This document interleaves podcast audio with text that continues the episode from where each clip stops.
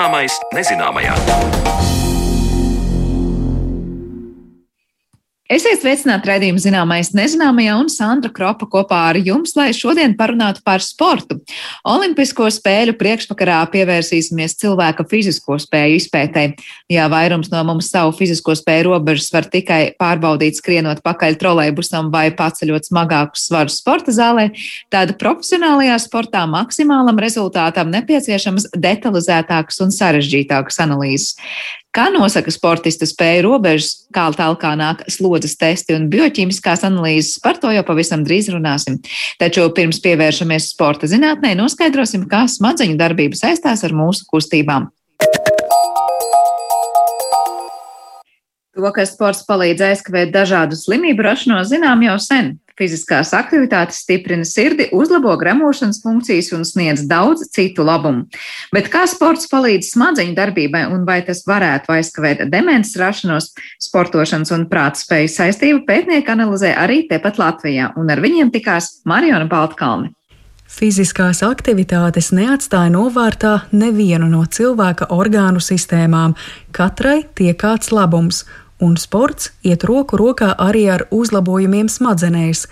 Sportošanas un smadzeņu attiecības gan ir visai smalkas, tās nevar raksturot vispārīgi, bet ir fakti, kas zināmi gana pārliecinoši.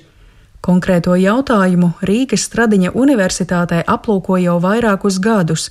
Tiekos ar diviem šīs augstskolas pētniekiem un sarunas iesākumā psiholoģe, pētniece militārās medicīnas pētījumu un studiju centrā, kā arī asistente veselības psiholoģijas un pedagoģijas katedrā Kristīne Šneidere skaidro šādi. Viena no hipotēzēm ir tāda, ka fiziskās aktivitātes rezultātā mums pastiprināti sāk izdalīties neirotrofisks faktors vai vienkārši proteīns.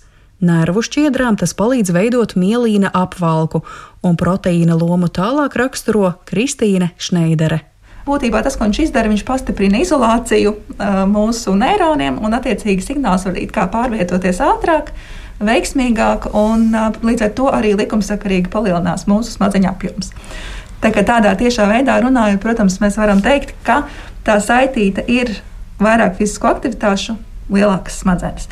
Bet, nu, protams, tas nav tik viennozīmīgi, jo būtībā jau nemainās tikai smadzeņu apjoms, uzlabojas arī vispārējā veselība. Tas viss, protams, arī pastarpināti palīdz mums saglabāt šo kognitīvo funkcionēšanu. Ko man noteikti šajā vietā arī gribētos piebilst, tas ir tas, ka patiesībā tā zelta atslēga ir tāda kā kompleksa darbība, kur iet fiziskā aktivitāte roku rokā ar intelektuālajām aktivitātēm, ar sociālajām aktivitātēm, ar mērķtiecīgiem treniņiem. Un tas ir tas veids, patiesībā, uz kuru šobrīd arī pasaule iet. Šeit es varbūt gribētu pievienot tādu kā metaforu nedaudz. Man ļoti patīk salīdzināt šo visu procesu ar tādu kā braukšanu ar pirmo formulu. Jo mums, protams, vajag, lai mums ir labas smadzenes, respektīvi, lai mums ir rīktīgi laba tā mašīna, ar kur mēs braucam.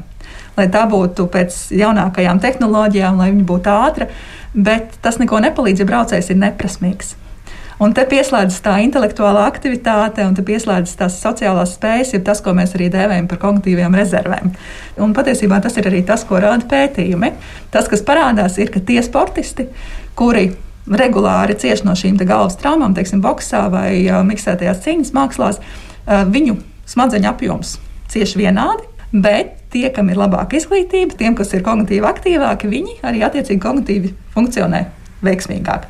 Tātad tā fiziskā aktivitāte viņai ir jāiet roku rokā ar mūsu šo kognitīvo aktivitāti, lai mēs iegūtu tādu ļoti pilnvērtīgu rezultātu.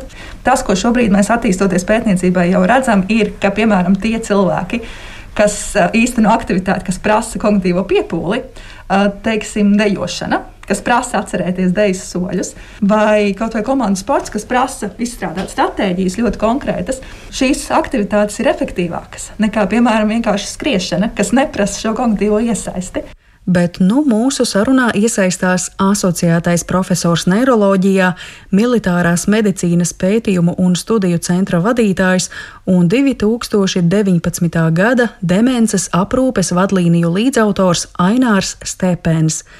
Tā kā sports var sekmēt kognitīvās, jeb prāta funkcijas, jautāju, vai būtu izšķirami kādi konkrēti sporta veidi, par kuriem varam teikt, Jā, tie mazina risku iegūt nopietnus smadzeņu darbības traucējumus jeb demenci. Nē, nebūtu pareizi teikt, ka ir kāds sporta veids, kurš ir slikts vai kāds ir ārkārtīgi labs. Bet mums jāpaturprātā, ka ir savi riski šie sporta veida iekšienē. Un pats galvenais no šiem ir atkārtotas galvas traumas. Un, protams, ka tie sporta veidi, kurā atkārtoti tiek traumēta galva, galvas smadzenes, noteikti no tādas kognitīvās veselības viedokļa nevarētu tikt uzskatīti tik labi vai tik labvēlīgi kā tie, kuros šī galva tiek audzēta. Tāpēc tādu zināmu lietu, kā piemēram kā ķiveres lietošana, ir tikai pašsaprotama, un savukārt viņas nelietošana vienkārši ir muļķīga. Bet par demenci runājot, demence, vienalga vai tas pats Alzheimers vai cita veida demences, tas parasti ir process, parādība, ko mēs biežāk attiecinām uz vecāka gadagājuma cilvēkiem. Un līdz ar to es gribētu jautāt, vai demence, kas cilvēkam veidojas varbūt kādam 60, kādam 70 gados, tas ir rezultāts tam, ka viņš vai viņa jaunībā iespējams ir maz sportojis, teiksim, neko nedarīja, nu tad arī tādos krietnākos gados lūgta rezultāts. Es ticu, ka sports nav vienīgā vai nesportošana vienīgā atbilde tam, kāpēc cilvēkam veidojas Alzheimers, bet vai mēs tā varam teikt, ka kaut kas mūža laikā sakrājas un te arī mēs nonākam pie rezultāta. Man liekas, ka tas būtu pārspīlēti teikt, ka kāds, ja to dzīvē neizsportojas, ka tas ir vienīgais iemesls, ka tev 60 gados ir attīstījušies agrīni kognitīvi traucējumi. Parasti tādiem agrīniem kognitīviem traucējumiem. Tomēr iemesls ir meklējams vairāk ģenētisks, un ar pašu sportu vai fizisko aktivitāti tik daudz mēs ietekmēt nevarētu. Bet viena lieta ir tāda, ka demence tomēr ir tāds sindroms, kas ir radies smadzeņu slimības rezultātā. Un tas ir jāpaturprātā, ka demence nevienā vecumā nav norma. Un līdz ar to pilnīgi visos vecumos, un jau sākot no bērna kājas, ir vērts darīt visu, lai mazinātu šo risku. Un, ja mēs runājam par šiem dzīves stila faktoriem, ir skaidrs, ka viņiem ir visai liela loma. Gan tiem, kas saistās ar fizisko aktivitāti, gan iespējams vēl lielāka to, kas saistās ar šo garīgo aktivitāti, ar dzīves, gan mācību, gan darba, gan šīs atbildības pieredzi. Un tā ir šī svarīgākā ziņa, ka mēs nevaram pateikt, ka tu sportosi, ka tev nebūs demence. Nē, tā nevar pateikt. Mēs nevaram pateikt, ka tu mācīsies, tev nebūs demence. Nē, bet tas, ko mēs varam pateikt, ka tad, ja tu mācīsies, un ja tu sportosi, un ja tu ieņemsi atbildīgu amatu dzīves laikā, ar lielu varbūtību tev tā demence neiestāsies, vai nu viņa iestāsies vēlāk un varbūt noritēs vieglāk. Ja demence jau ir iestājusies, aktīvas pastaigas varētu būt viens no labākajiem veidiem, kā palēnināt neirodeģeneratīvos procesus bet Ainārs Stepens atgādina, lai mēs maksimāli pasargātu savas smadzenes, ir svarīgi mest sev jaunus izaicinājumus arī seniora vecumā, iemācīties kaut dažus vārdus citā valodā vai uzspēlēt klavieres arī tad, ja tas nekad nav darīts. Mēs gluži nevaram likt vienādības zīmi starp vārdiem sports un mūzika, vai sports un intelektuālās spēles, piemēram, šahs vai krustvārdu mīkla, bet divu virzienu bultiņu varam likt gan. Kristīna Šneidere skaidro, ka fiziskais un kognitīvais ir kā vienas monētas divas puses, un mums ir vajadzīgas abas puses jāņem vērā arī tas, ka viena lieta ir mēs īstenojam to pašu intelektuālu aktivitāti, spēlējot šahu, bet mēs to darām sēdus. Un, eh, būtībā sēdošais dzīvesveids ir tāda kā jaunā smēķēšana. Un ir pētījumi, tiešām, kas parāda, ka uh, ilgstoša sēdēšana bez kustēšanās uh, atstāja ļoti nopietnu arī ietekmi uz šo smadzeņu veselību. Un ir pat pētījumi, kas rāda, ka mēs nevaram tā nu, 8 stundas sēdēt, un tad 2 stundas pamigrot, un būs labi. Nē, tā rekomendācija patiesībā ir, mēs pastrādājam, Un reizes stundā kaut vai apējam ap māju, kaut vai pišķiņu pastaigājam pa kabinetu. Bet esam arī druskuļi tajā kustībā un nesēžam tik ilgi. Um, nesēžam noteikti visu laiku vienā pozā, uh, jo tas šobrīd tiešām arī parādās kā viens no tādiem nu, um, negatīviem faktoriem. Mm. Bet, protams, kā dr. Stepens saka, tas nenozīmē obligāti, ka uzreiz attīstīsies demence. Tas ir vienkārši kaut kas, kam mums ir jāpievērš uzmanība. Jo, protams, mēs neviens nevēlamies, lai viņi attīstītos. Tas, gan, kas šobrīd ir viena no tiešām tādām aktualitātēm pētniecībā, ir tas, ko sauc par exergaming. Tās ir video spēles, kas māca mūsu gados vecākajiem pieaugušajiem um, dažādas kustības. Viņiem, piemēram, jāīsteno kaut kāds slēpošanas uzdevums, uh, kurš viņš reāli kustās, bet atrodas virtuālajā vidē. Nu, tas ir tas patiesībā, uz ko mēs šobrīd ejam, kas pagaidām. Nu, mums nedod tādus ļoti stingrus pierādījumus, bet ir viens no ceļiem, ko mēs varam darīt. Nozīmīgs uzdevums pētījumos ir spēt sataustīt arī tās darbības, ko mēs drīzāk attiecinām uz ikdienas darbiem, taču beigu beigās arī tās varam saistīt ar fiziskām aktivitātēm, piemēram, regulāras pastaigas ar suni, aktīvi remontdarbi mājās vai enerģisks darbs skolotājiem vadot stundu klases priekšā. Tātad nepietiek ar vienu jautājumu pētījumā iesaistītajiem, vai jūs esat fiziski aktīvs. Ir jāiegūst plašāka aina par cilvēka dzīves laikā veiktajām aktivitātēm. Noslēgumā vēl kāds būtisks Aināra Stepena komentārs. Ir ārkārtīgi svarīgi atcerēties, ka liekais svars ir būtisks riska faktors kognitīvo traucējumu attīstībai. Un vienmēr varam paturēt prātā, ka efektīvāk strādā tās smadzenes, kas ir drusku badā. Un es tik daudz nesēdēju, tik daudz. Tā ir patiešām mūsdienu pasaules nelaime - sēdēšana un ēšana. To vajag aizvietot ar aktīvu pastaigu un kā jaunu apgūšanu. Tik tālu par to, kā mūsu prāta asumu un atmiņu ietekmē fiziskās aktivitātes, bet raidījuma turpinājumā iepazīsim to, kādus testus un pārbaudas veids profesionāliem sportistiem, lai pārbaudītu viņu gatavību ceļā uz zelta medaļām.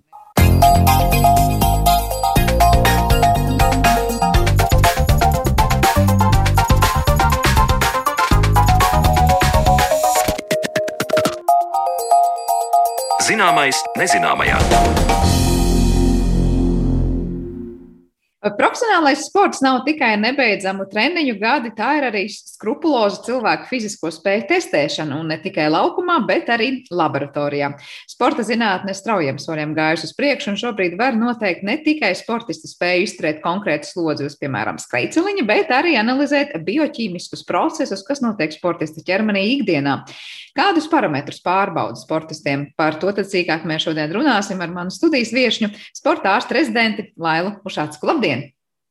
Labdien!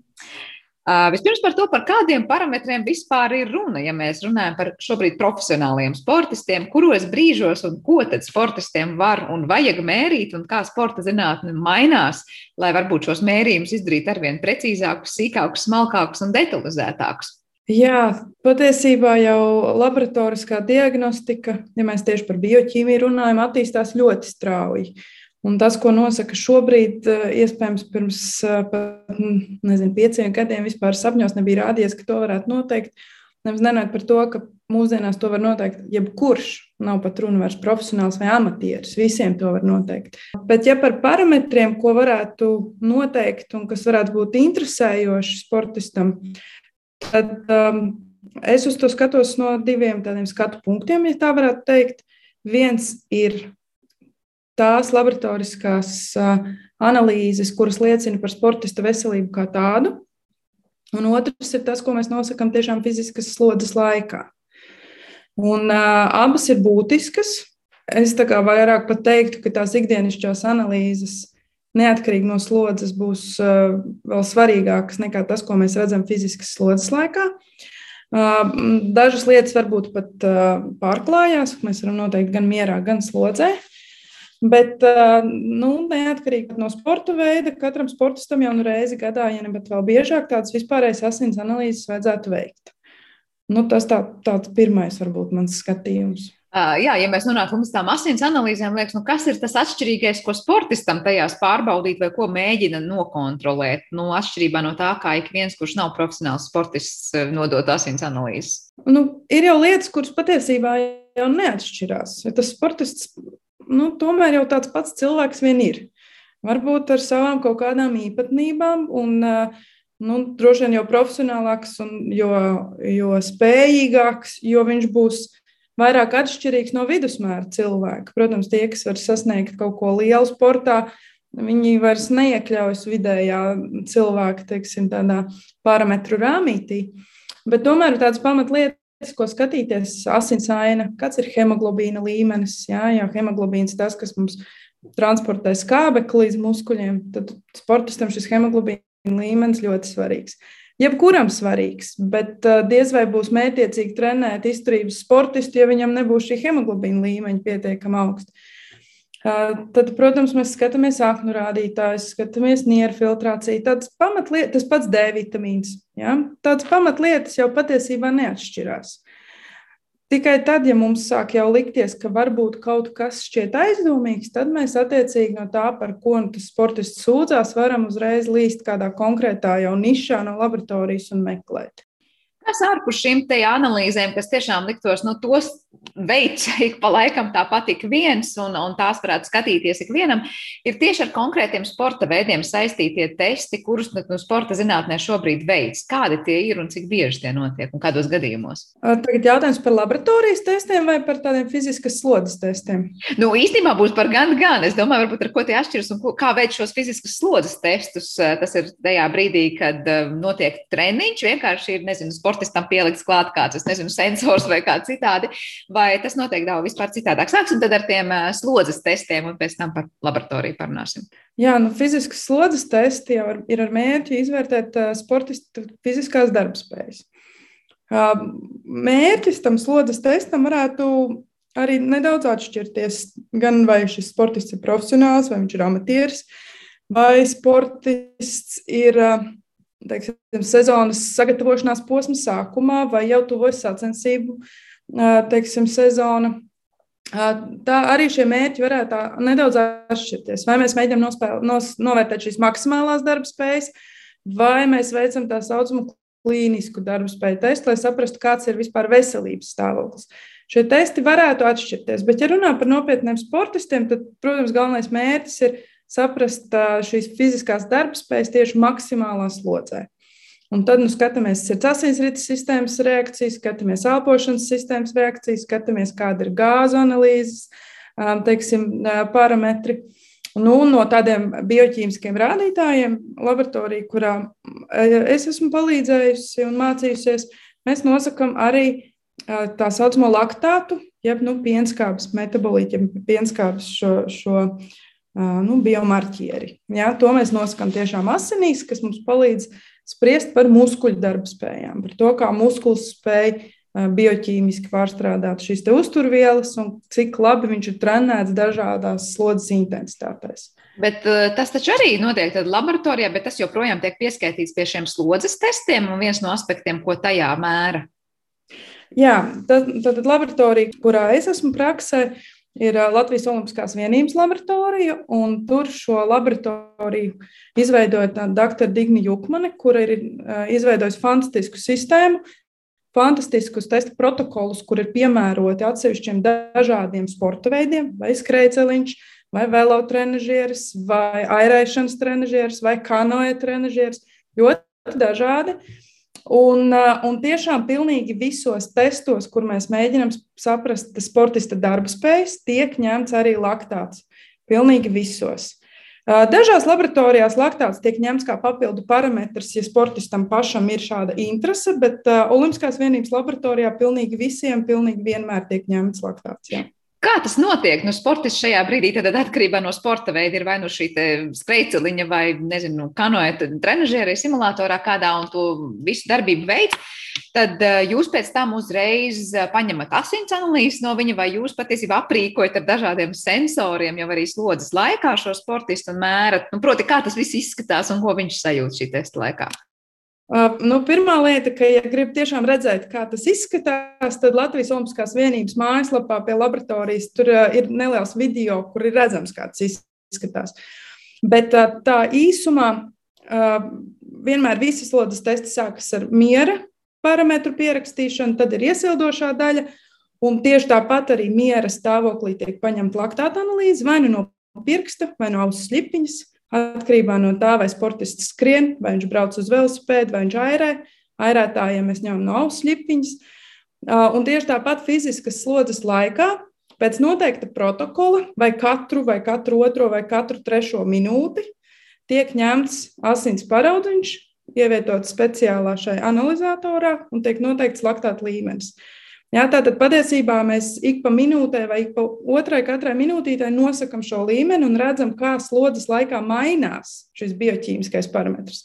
Tas nav viens izolēts. Un pēc tam, kad notiek atjaunošanās, mēs mēram arī to, kā šis laktāta līmenis samazinās. Ja, cik ātri notiek ne tikai sirdsdarbības frekvences atjaunošanās, bet arī šī bioķīmiskā atjaunošanās. Cik ātri organisms spēj šos bioķīmiskos blakus produktus aizvākt kas ir nemazāk svarīgi. Jā, muskuļu atjaunošanās ir vēl svarīgāka nekā, nekā spēt iedot muskuļiem beigot darbu. Es tieši par to atjaunošanos gribēju vaicāt tādā plašākā mērogā, nu, ja mēs runājam gan par sirdsritmu, gan par varbūt arī šiem laktātiem. Ko īstenībā prasa tam organismam tas atjaunošanās process, un kas nosaka to, vai vienam tas notiks ātrāk, un efektīvāk, vai lēnāk, vai kā citādāk?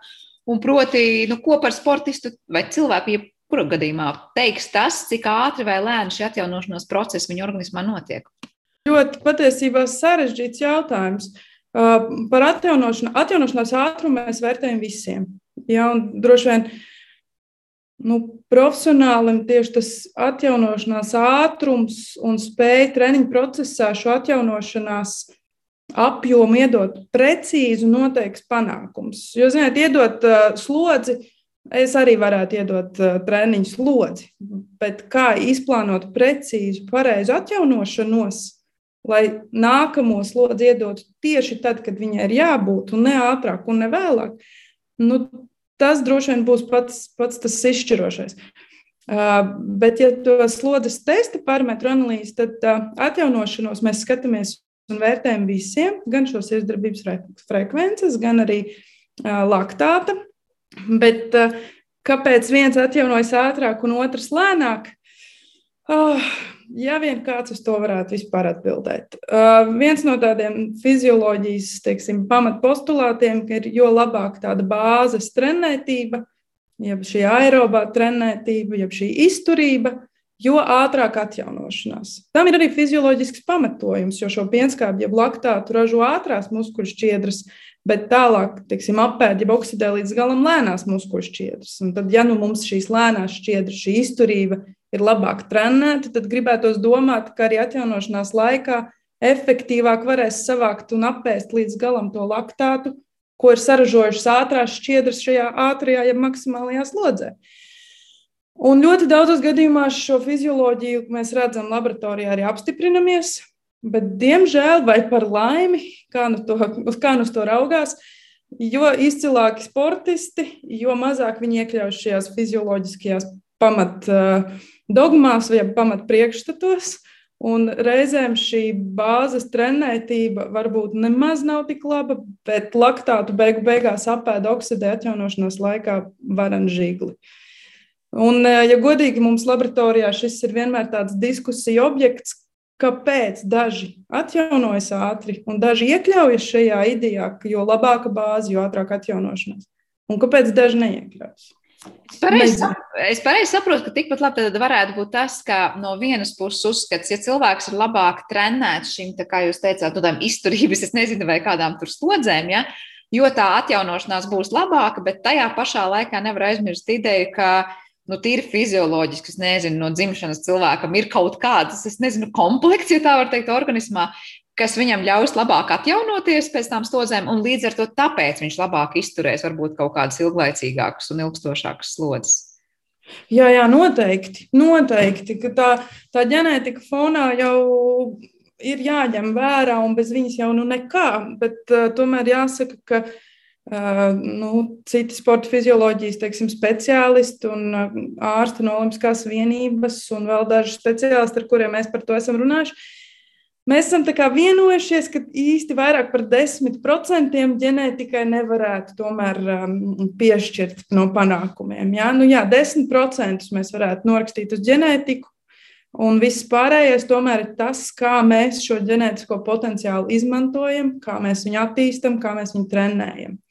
Jā, noteikti. Ja mēs runāsim par profesionālu sportistu, tad tās sekundes simtdaļas vai šīs zelta medaļas, jā, tur šī ģenētika varbūt sāks kļūt jau nozīmīgāka, bet tādam labam amatierim vai teiksim, nedaudz virs vidējā trenētam cilvēkam, uh, Nu, es esmu vienmēr ļoti piesardzīga vainot vai slavēt ģenētiku, pirms mēs neesam izpildījuši adekvātu treniņu procesu. Tā kā darbs ir pirmajā vietā šajā gadījumā, ja mēs runājam ne jau par olimpiskajām, varbūt sekundes simtaļām, kas, kas izšķir daudz ko, bet kā ir ar dažādiem sporta veidiem, tad sanāk, Jo kādam tā atjaunošanās notiek, es nezinu, ātrāk, tas nozīmē, ka cilvēks būs vairāk piemērots kaut kādiem, es nezinu, maratoniem vai kaut kādām garām distanču lietām, vienalga, vai tā būs slēpošana vai skriešana vai kas cits. Un savukārt tie, kas būs tur sprinteri, viņiem vispār pavisam citādāk notiks tas process. Proti, var pateikt cilvēkam piemērotāko distanci vai sporta veidu, skatoties no tā, kā tie procesi notiek viņā.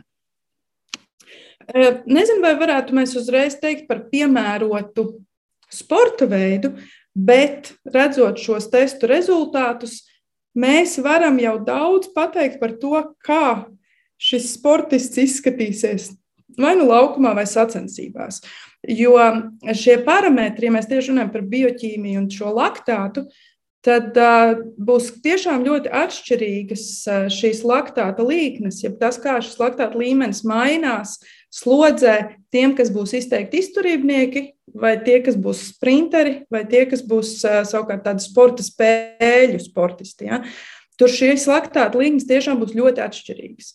Jo, ja šis izturībnieks tomēr savu pamatdarbu, pamatslodzi veids tādā aerobā, jau izturības darba režīmā, tas nozīmē, ka dominējošās muskuļu grupas būs šīs lēnās izturīgās, kuras strādās aerobi, tas nozīmē, ka enerģija iegūs skābekli, izmantojot, tātad oksidējot vai nu augstskābes vai cukuru. Ja? Tātad šis laktāta līmenis nemaz tā neaugs. Un, ja šis izturībnieks neaizraujas ar sprinta slodzēm, tad muskuļi būs ļoti apmulsuši. Ja mēs pēkšņi šim sportistam liksim šausmīgi ātri skriet, tiks saražots laktāts, Šie muskuļi nesapratīs vispār šādu skābumu, šādu skābu vidi.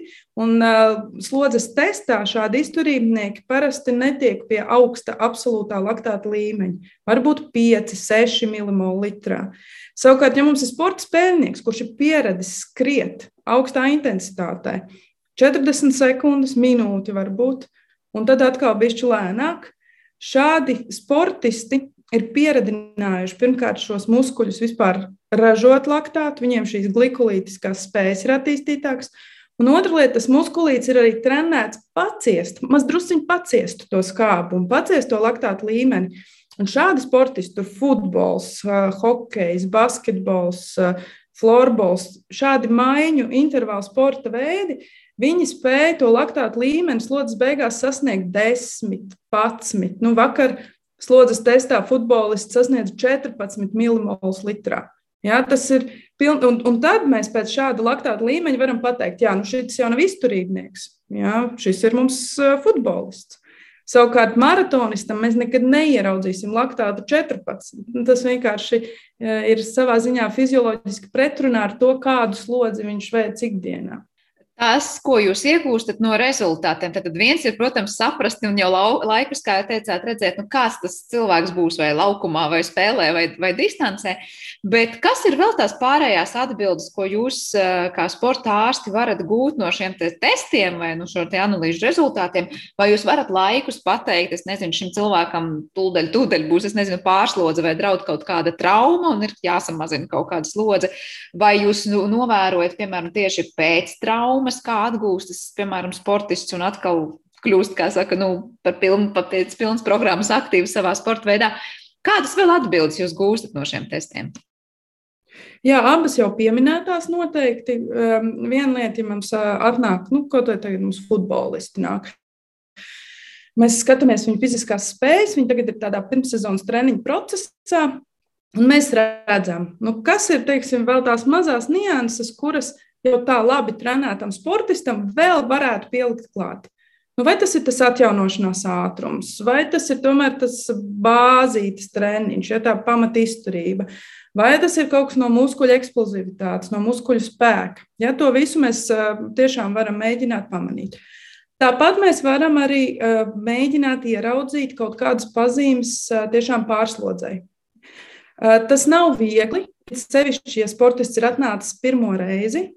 Tad, reize, tad kādreiz šīs pazīmes ir tik nemanāmas un tik nu, nespecifiskas, ka ir grūti pateikt, vai, vai šāda teiksim, spiediena atjaunošanās reakcija ir sportista īpatnība, vai tas tomēr jau liecina par kaut kādu pārslodzi. Ja šis sportists jau ir bijis vairākas reizes, tad tas drusku atvieglo mūsu darbu, jo mēs jau varam salīdzināt. Mēs zinām, viņš ir bijis uz testu teiksim, pirms sezonas sākuma. Viņam ir bijusi šāda teiksim, asinsspiediena reakcija, un šoreiz šī spiediena reakcija ir ārkārtīgi atšķirīga. Tad mēs aprunājoties par neseno treniņu procesu, varam domāt, jā, mm, tikko atlidojis no spēles, vakar bijusi spēle ārzemēs, nu skaidrs, ja tā tad ir nogurums. Tā tad šī reakcija ir tādēļ, ka vēl sportists nav pilnvērtīgi atjaunojies. Jā, to mēs tiešām ļoti cenšamies pamanīt. Ļoti cenšamies pamanīt jā. Tad patiesībā pēc šādiem testiem jūs varat vai nu rekomendācijas sniegt, kas ir jāmaina treniņu, varbūt procesā, vai kas ir jāmaina ar kaut kādām uztura lietām, vai vitamīniem, vai kādiem citiem preparātiem, ko, ko sportists lieto vai nelieto atbilstoši. Ar šiem vitamīniem un uzturu lietām Tur es, es pati esmu ļoti vienmēr piesardzīga.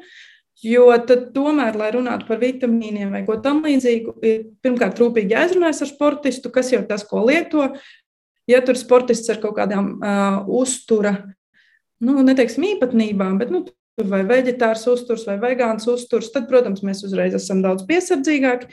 Bet um, pirms izsniegt vitamīnus vai domāt par, par kaut kādu uzturu bagātinātāju lietošanu, kaut kādām šīm pamatasins analīzēm jābūt. Ja, šis hemoglobīns, dzelzs līmenis, peritīns, kas ir šīs dzelzs rezerves, D vitamīna līmenis, protams.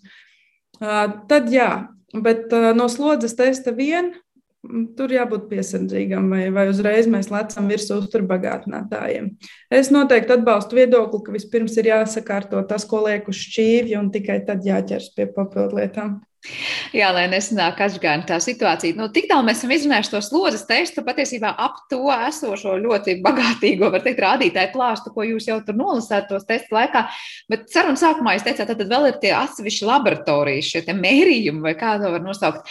Bez jau pieminētajām asins analīzēm, kas vēl ir tas, ko laboratorijā vai sporta laboratorijā patiesībā sportistam mēra? Uh, nu, tur Olimpiskās vienības laboratorijā mēs skatāmies tikai laktātu nu, un cukuru līmeni asinīs. Ja? Tas vienā asins pilienā. Uh, bet cukuru līmenis tas tā vairāk kontrolēt, lai viņš nebūtu pārāk augsts, pārāk zems, jo slodzes laikā viņam nevajadzētu mainīties. Nu, kādreiz mēs pieķeram sportistus, kur nav īsti pēduši brokastis, ja nu pēkšņi šis cukuru līmenis sāk izskatīties aizdomīgi zems. Bet uh, kopumā laboratorijā tā, tā mēs uh, neko citu arī nemaz nenosakām. Tad, ja mums ir papildu interese, tad tiešām mēs sūtām uz laboratoriju un nosakām tur attiecīgi interesējošos parametrus. Uh, jā, tas būtu, tas būtu no laboratorijas. Mums laikam vairāk ir pieredze dzirdēt par sportistu dažādām pārbaudēm, vairāk dopinga kontrolas kontekstā. Nu, tad tas ir urīna analīzes un, un, un viss kas cits. Šajā gadījumā mēs runājam tātad par to, cik eh, pilnvērtīgu uzturu ir saņēmis sportists, cik ļoti varbūt adekvātām slodzēm sevi pakļaus. Un, kā jūs minējāt, arī atbrauc no spēles ārzemēs, tad patiesībā pat noguruma līmenis ir analīzēs ieraugāms ne tāds nogurums, kā, kā pēkšņi, kā akūts nogurums no vienas spēles, Bet pārtrenēšanās sindroms, kad jau ilgstoši ir bijis pārmērīgs slodze vai nepietiekama atjaunošanās, to gan varētu mēģināt analīzēs ieraudzīt.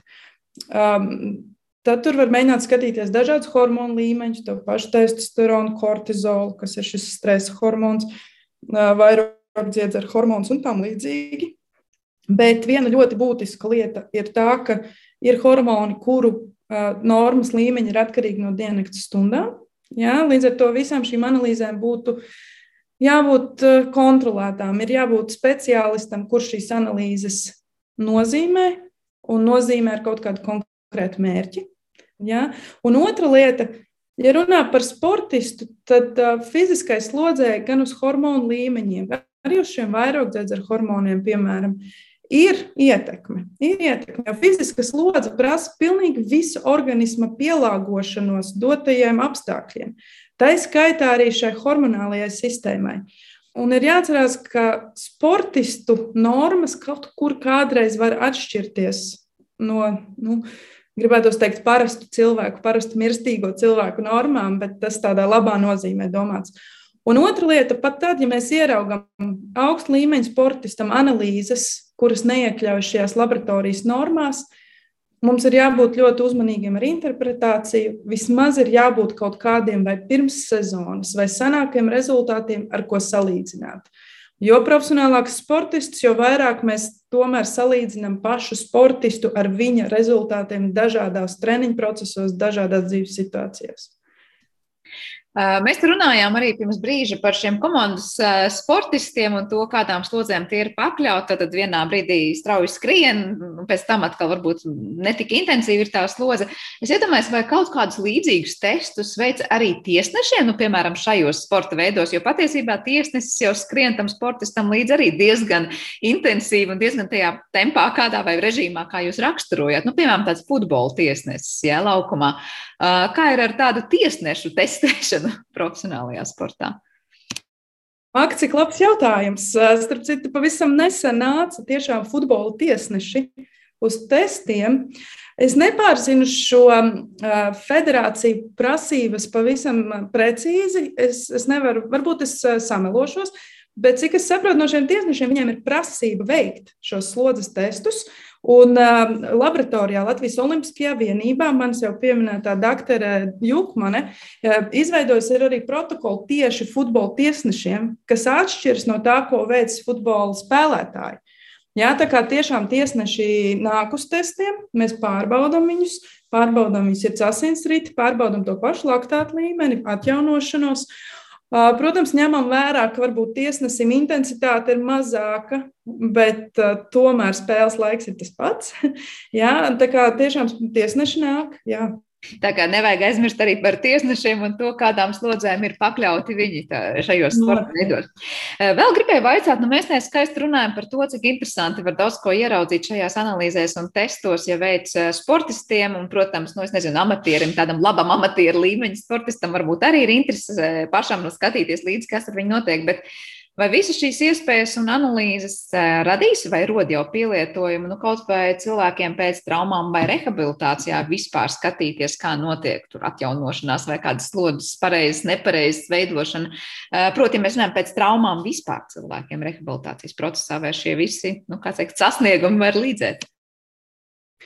Jā, jā, protams, un ļoti bieži nāk cilvēki, kuri ir, kā jau pieminējāt, tādi vidēji vai labi trenēti amatieri, un nāk pēc traumām vai pēc slimošanām. Nu, protams, tāds izteiktāks uzplūds bija iepriekšējā vasarā pēc covid infekcijas pārslimošanas, jā, lai izvērtētu sirds asinsrites sistēmas reakciju.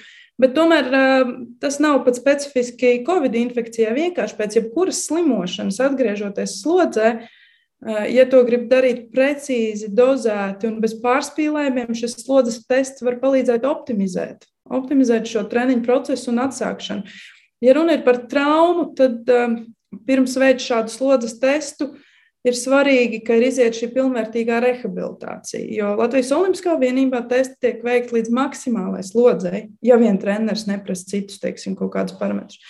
Līdz ar to ir svarīgi, ka trauma neierobežo slodzes veikšanu līdz maksimumam. Pretējā gadījumā jau uzreiz šīs slodzes testa rezultātu interpretācija mainās.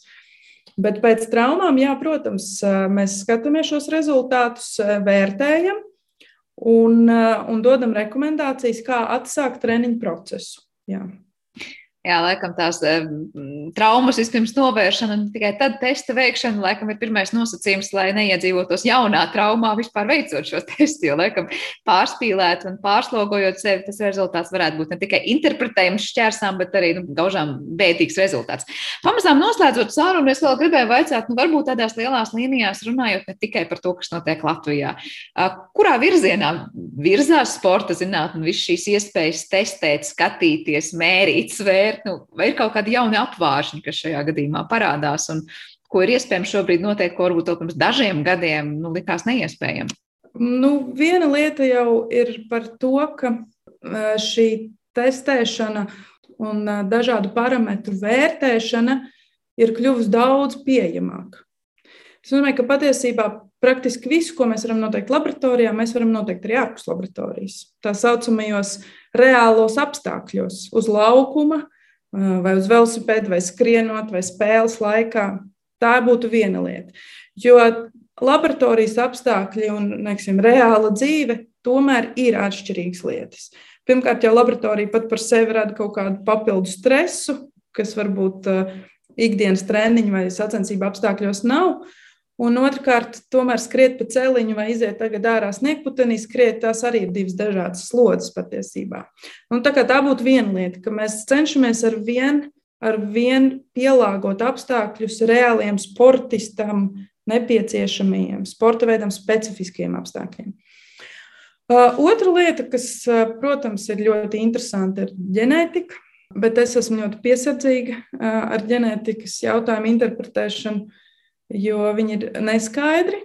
Bet, ja mēs ejam vēl tālāk, teiksim, par ģenētiku, šķiet, kas var būt tālāk, bet tieši šī um, epigenētika, tas, kā ģenētiskais materiāls un, un uh, tas, ko nu mamma, daba un vecāki mums ir devuši, miedarbojoties ar dažādiem apstākļiem, uh, dod kaut kādu rezultātu, tas gan ir ļoti aktuāls un aktīvs pašreizējais izpētes objekts līdz pat um, tādiem biomarķieriem, kas varētu būt, mēs sakām, gala biomarķieri, metabolīti, kas liecina par kaut kādu adaptāciju, par trenētību.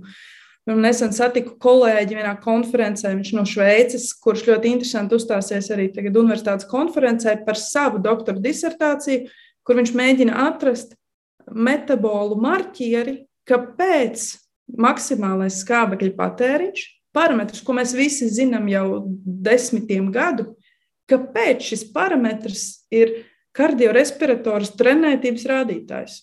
Mēs it kā to zinām, mēs it kā to pieņemam, bet kur mums bioķīmiski ir pamatojums, ka šis maksimālais skābekļa patēriņš liecina par šo trenētību? Un šeit ir ļoti daudz neatbildētu jautājumu, un tas noteikti pateicoties gan laboratorisko diagnostikas metožu attīstībai, gan teiksim, pieejamībai tā saucamajos lauka apstākļos, šis jautājums varētu būt ļoti, ļoti interesants izpētes objekts tuvākajos gados. Jā, tad, tad sporta zinātnē nekas nestāv uz vietas, un cilvēki neguļ vai neiet līdz laikam un skatās ļoti, ļoti detalizēti par to, kas notiek mūsu ģenētikā un ap ģenētiku saistītajos jautājumos, lai saprastu, kā cilvēki gan pakļauj sevi slodzēm, gan no tām, kā saka, attiet. Un uh, tiešām paldies par to, ka ilustrējāt, ko tādi slodzes testi, un ne tikai slodzes testi, bet pastāstīt par to, kā cilvēks uzvedas slodzes un neslodzes laikā. Paldies par sarunu. Es atgādināšu klausītājiem, ka sporta ārsta rezidente Lailu Šats, kas šodien ar mums bija kopā mūsu attālinātajā studijā, ar to raidījums ir izskanējis, un paldies par to teikšu producentei Paulai Gulbinskai. Mūzikas redaktors šai stundai bija Girds Bišs, savukārt es, Sandra Kropa, ar jums būšu kopā jau pavisam drīz, un atgādināšu, ka šos raidījumus var dzirdēt ne tikai Latvijas Radio 1 ētrā, bet arī populārākajās podkāstu vietnēs. Uz tikšanos!